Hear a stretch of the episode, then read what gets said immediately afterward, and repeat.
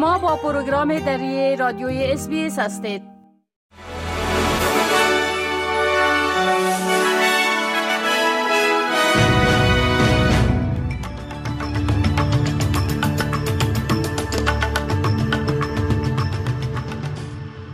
سلام من فضیلت تصمیم هستم و شما را به شنیدن مهمترین رویدادهای امروز نهم فبروری سال 2024 دعوت می کنم. زلزله به شدت 4.3 درجه ملبون و بسیاری از نقاط ویکتوریا را تکان داد. این زلزله حوالی ساعت 12 و 50 شب که مرکز آن در نزدیکی شهر گپسلند جنوب لیونگاتا بود رخ داد. گزارش شده است که چندین لرزش دیگر نیز در این مناطق در سال گذشته در ویکتوریا رخ داده بود. آدم پاکسال از مرکز تحقیقات زلزله سنج به شبکه هفته تلویزیون استرالیا گفت که این اندازه تکان زلزله می تواند آسیب ایجاد کند. It's been felt over a large area, and again, it's because uh, of Australia being an old, cold, hard rock, and uh, energy waves travel a lot further, so it has been felt over a large area again.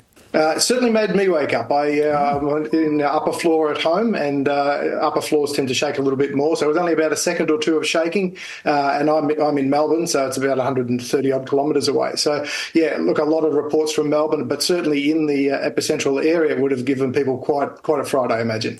انتونی البنیزی صدر استرالیا هر گونه یهود ستیزی و همچنین اظهارات و رفتار اسلام حراسی را محکوم کرده است. این با دنبال افزایش نگرانی از تبعیض بین جوامع یهودی و مسلمان در طول جنگ اسرائیل و حماس است. I condemn totally any form of anti-Semitism, including including the comments by my uh, local member with regard to the Jewish community. I find offensive. I find it had its origins in anti-Semitism and I condemn it unequivocally. Just as I condemn forms of that I have seen. Islamic, Islamophobic comments and behavior as well. این شامل عذرخواهی جینی لنگ نماینده حزب گرینز برای استفاده از نظرات توهین‌آمیز در مورد گروه های یهودی و سوینیست در یک انجمن طرفدار فلسطین در دسامبر سال گذشته است. کم از کم نو نفر از جمله دو کودک در حملات غیر نظامیان در پاکستان در حالی که این کشور در جریان انتخابات عمومی بود کشته شدند. هزاران سرباز در جاده ها و مراکز رایگیری مستقر شدهاند و سرحدات ایران و افغانستان با پاکستان به طور موقت بسته شده است. خدمات تلفنی و اینترنت در سراسر کشور پس از دو انفجار روز چهارشنبه که ده ها نفر را کشت به حالت تعلیق درآمده است. تعلیق شبکه های اینترنتی به دنبال درخواست عمران خان از حامیانش برای انتظار در خارج از غرفه های رایگیری تا اعلان نتایج است. نخست وزیر سابق سال گذشته به اتهام فساد زندانی شد و شرکت در انتخابات منع شده است. این در حال است که دو انفجار بم در ولایت بلوچستان پاکستان کم از کم 26 کشته و ده ها زخمی به جای گذاشت که نگرانی های امنیتی بیشتری را برای روز انتخابات پارلمانی افزایش داد. اولین حمله در دفتر انتخاباتی یک نامزد مستقل بود که کم از کم 14 نفر کشته شدند. در حالی که انفجار دوم دوازده کشته بر جا گذاشت در نزدیکی دفتر حزب مذهبی جماعت علمای اسلامی رخ داد. در حالی که میلیون ها نفر در پاکستان به مراکز رایگیری رفتند، نگرانی ها پس از حملات غیر نظامیان در ماه اخیر و همچنین زندانی شدن عمران خان صدر سابق پاکستان افزایش یافته است. نواز شریف صدر سابق به عنوان نامزد انتخابات در نظر گرفته شده است. او رئیس اتحادیه مسلمانان پاکستان نیز است. بیلوال بوتو زرداری وزیر امور خارجه سابق پاکستان نیز به عنوان نماینده حزب مردم پاکستان نامزد شده است. وزارت امور خارجه پاکستان اعلان کرده است که سرحدات این کشور با افغانستان و ایران به منظور تامین امنیت انتخابات سراسری به طور موقت بسته خواهد بود. بر اساس بیانیه این وزارتخانه مقررات بسته شدن این سرحدات شامل رفت آمد تمام ترانسپورت های تجارتی و آبرین در سراسر این سرحدات اعمال شده است.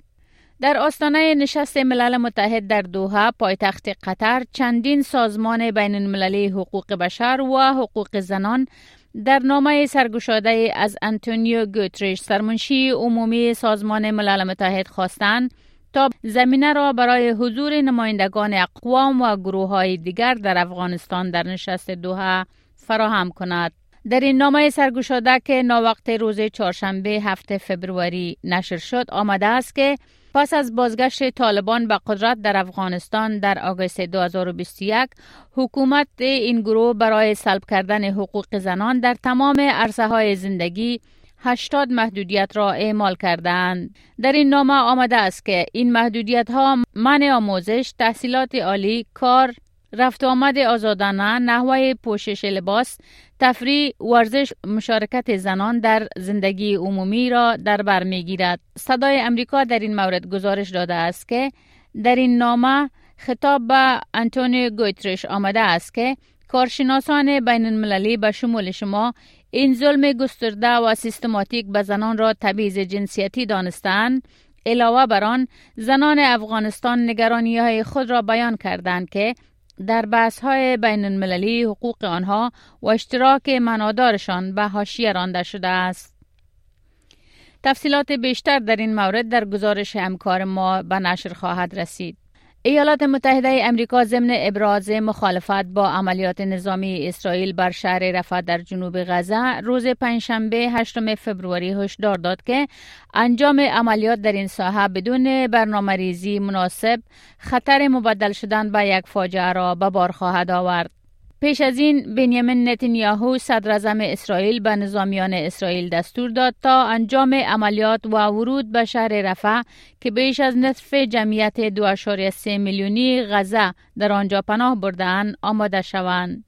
جان کربی سخنگوی شورای امنیت ملی قصر سفید روز پنجشنبه به خبرنگاران گفت در زمان و تحت شرایط کنونی که بیش از یک میلیون و شاید هم یک میلیون فلسطینی به رفع پناه بردند انجام هر گونه عملیات بزرگ نظامی بر این ساحه آن هم بدون در نظر گرفتن مسئولیت آورگان یک فاجعه خواهد بود و ما از آن حمایت نمی کنیم. در گزارشی از صدای امریکا در این مورد آمده است که از سوی دیگر ویدان پتل معاون سخنگوی وزارت خارجه امریکا گفته است که اکنون هیچ نشانه از برنامه ریزی جدی برای انجام چنین عملیات دیده نشده است.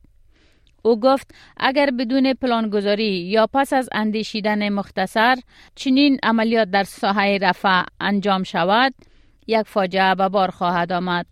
انتونی گوتریس سرمنشی عمومی ملل متحد نیز هشدار داده است که انجام عملیات نظامی اسرائیل به شهر رفح به طور فزاینده آنچی را که در حال حاضر یک فاجعه بشری است افزایش می دهد. همزمان با آمادگی نظامیان اسرائیلی برای عملیات و اعمار فشار بیشتر نظامی در جنوب غزه حراس صدها هزار آواره فلسطینی که از حملات اسرائیل بر شمال و ساحات مرکزی غزه فرار کرده و به این ساحه سرحدی پناه آوردهاند نیز رو به افزایش نهاده است. این بود مهمترین رویدادهای روز از برنامه دری اس.